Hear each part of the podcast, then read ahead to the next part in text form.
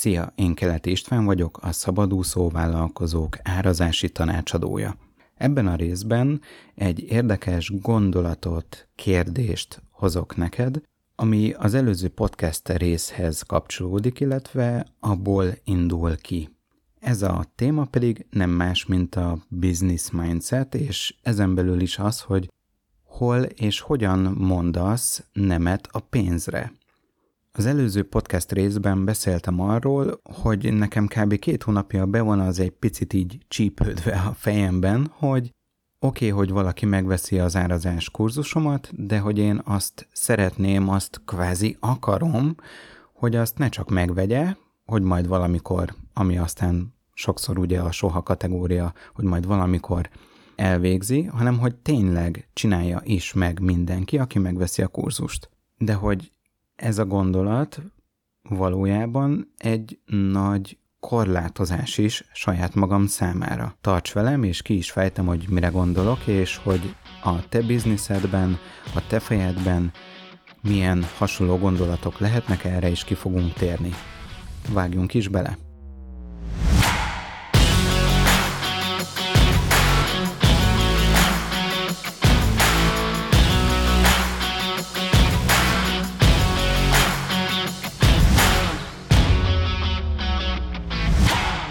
Szóval az előző podcast részben beszéltem arról, hogy tök jó, hogy megveszik a kurzust, de hogy én azt szeretném, azt akarom, hogy azt csinálják is meg mindenki, aki megveszi a kurzust, mert hogy így lehet hatást elérni, így van értelme az egésznek, hogy ugye megveszel egy kurzust, csináld is meg, ne csak bespájzold kvázi az adott tréninget. Szeptemberben, októberben már ez volt így bennem, hogy én nekem az kevés, hogy valaki megveszi a kurzust, azt akarom, és ebben akarok segíteni, ebben akarlak titeket támogatni, hogy meg is csináljátok, végig is csináljátok, és hogy, hogy így minél nagyobb hatást elérni a szabadúszó közösségben. Viszont pont ezzel a gondolatmenettel van egy kis bökkenő. És lehet, hogy nálad is vannak hasonló, ilyen apró kvázi alig észrevehető kis bökkenők, és hogyha nem figyelsz oda, akkor bizony ezeken könnyen átsiklik az ember. Mert ez nekem sem tűnt fel, miközben felvettem ezt az előző podcast részt, hanem egy pár órával később esett le nekem is a tantusz, hogy várjál csak, arról beszélek, hogy én azt akarom, én azt akarom, hogyha valaki megveszi a kurzust, akkor az csinálja is meg.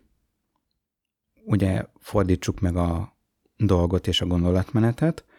Senki ne vegye meg a kurzust, aki nincs száz százalékig elköteleződve az iránt, hogy leül és megcsinálja a kurzust, és végigcsinálja és alkalmazni fogja. Mi következik ebből? Senki ne vegye meg a kurzust, aki nincs ezer százalékig elköteleződve az árazása felülvizsgálata mellett. Ebből mi következik? Az, hogy aki egyébként csak úgy megvenné, mert valamennyire érdekli a téma, valamennyire így foglalkozgatni akar vele, vagy majd később foglalkozni szeretne vele, az ne vegye meg a kurzust. És ez van az én fejemben. És persze, ettől még bárki megveheti a kurzust, ez is csak egy ilyen apró kis blokk saját magamban, mint ahogy az, amiről szintén beszéltem az előző részben, hogy ugye én is, mint valószínűleg nagyon sokan mit hozunk otthonról, jaj, pénzt keresni csak nagyon nehezen, nagyon sok munkával, nagyon nehezen lehet. És ugye ezt hallgattuk a szülőktől. És ez is egy ilyen blokk, hogy hú, én most már dolgozom, és akkor húha, csak nagyon nehezen, nagyon kemény munkával, nagyon sok munkával, vértizzadva lehet csak pénzt keresni. Miközben ez egyáltalán nem igaz. Fürdettem a gyereket, és közben jött az e-mail, hogy valaki megvette a tréninget, az így akkor döbbentem rá, hogy wow, csináltam egy tréninget, amit a nap 24 órájában, heti 7 nap bárki bármikor megvehet. És ha én éppen a gyereket fürdetem, vagy sétálok az erdőben, akkor is jöhet az e-mail, hogy éppen valaki megvette a tréninget. És persze nekem azt el kellett készíteni, és persze az a sok munka volt, és ezt frissíteni kell, karbantartani, stb. stb. De hogy ha éppen én sétálok, gyereket fürdetek, vásárolok, alszom, akkor is lehet pénzt csinálni. Direkt nem pénzt keresést mondok, hanem pénzt csinálást, mert igazából valamit én tettem azért, hogy ezt a pénzt én megkapjam, de nem keresem a pénzt. Ez is ugye tűnhet úgy, hogy én most lovagolok itt a szavakon, de sok ilyen kis fűszál az igazából egy nagy szénabogja lesz, amin aztán nem tudsz átkelni, nem tudsz átvergődni, vagy csak nagyon nehezen. Szóval visszatérve a témához, te is vizsgáld meg azt, és figyelj arra, amit mondasz és amit gondolsz, hogy, hogy neked hol vannak ezek a gondolatok, amikkel nagyon finoman, alig észrevehetően, de nemet mondasz a pénzre. Ugye még egyszer az én példám az, hogy én azt mondom, hogy, vagy hát azt mondtam, hogy jaj, az én tréningemet csak az vegye meg, aki tuti fix ezer százalék, hogy végignézi, végigcsinálja és alkalmazza is. De hát könyörgöm, miért ne vehetné meg bárki? És persze itt is van egy ellentmondás, hogy de hát akkor most ellentmondok saját magamnak, mert én arról beszéltem az előző részben, hogy én szeretnék minél nagyobb hatást elérni ugye a vállalkozói közösségben, hogy minél többen, minél jobban foglalkozzanak az árazásukkal, és így minél több vállalkozónak több bevétele és stabilabb bevétele legyen, meg aztán ugye csomó minden hatása van még ezen kívül. És akkor itt ugye ebben van egy ellentmondás, hogy akkor most az előző részben azt mondtam, hogy ne vegye meg senki, csak aki ezer százalékra elvégzi, most meg azt mondom, hogy de hát akkor igazából mégis megveheti bárki. Az is, aki soha nem fogja megcsinálni a kurzust. És itt visszakanyarodok oda, hogy mindannyian pénzből élünk ebben a világban, ha tetszik, ha nem. És én most miért gondoljam azt, és miért legyen a saját fejemben egy ilyen blokk, hogy jaj, ne vegye meg senki a kurzust, csak az, aki tényleg száz százalékig el van köteleződve. De miért? Tehát, hogy nem így működünk mi, mint emberek, másrészt így valójában egy csomó pénzről mondok le. És persze, ugye ettől még bárki bármikor megveti a kurzust, de akkor is ez a kis gondolat, ez így benne lesz a fejemben, hogy ja, én csak annak akarom eladni a kurzust, aki el is végzi. De így csomó pénzről mondok le. Te hol mondasz le így, ilyen formában, ilyen apró kis dolgokban a pénzről? Jaj, én nem tudok jó hirdetés szöveget írni. Hú, én nem értek a Facebook hirdetéshez. Hú, én nem szeretek blogot írni. Hú, én nem tudok a hirdetéshez ilyen mindenféle grafikákat összerakni. Hát itt én nem tudok online kurzust készíteni, mert hát miből? Hát nincs semmi, amiből én készíthetnék online kurzust. Online kurzust készíteni baromi nehéz, ez lehetetlen küldetés.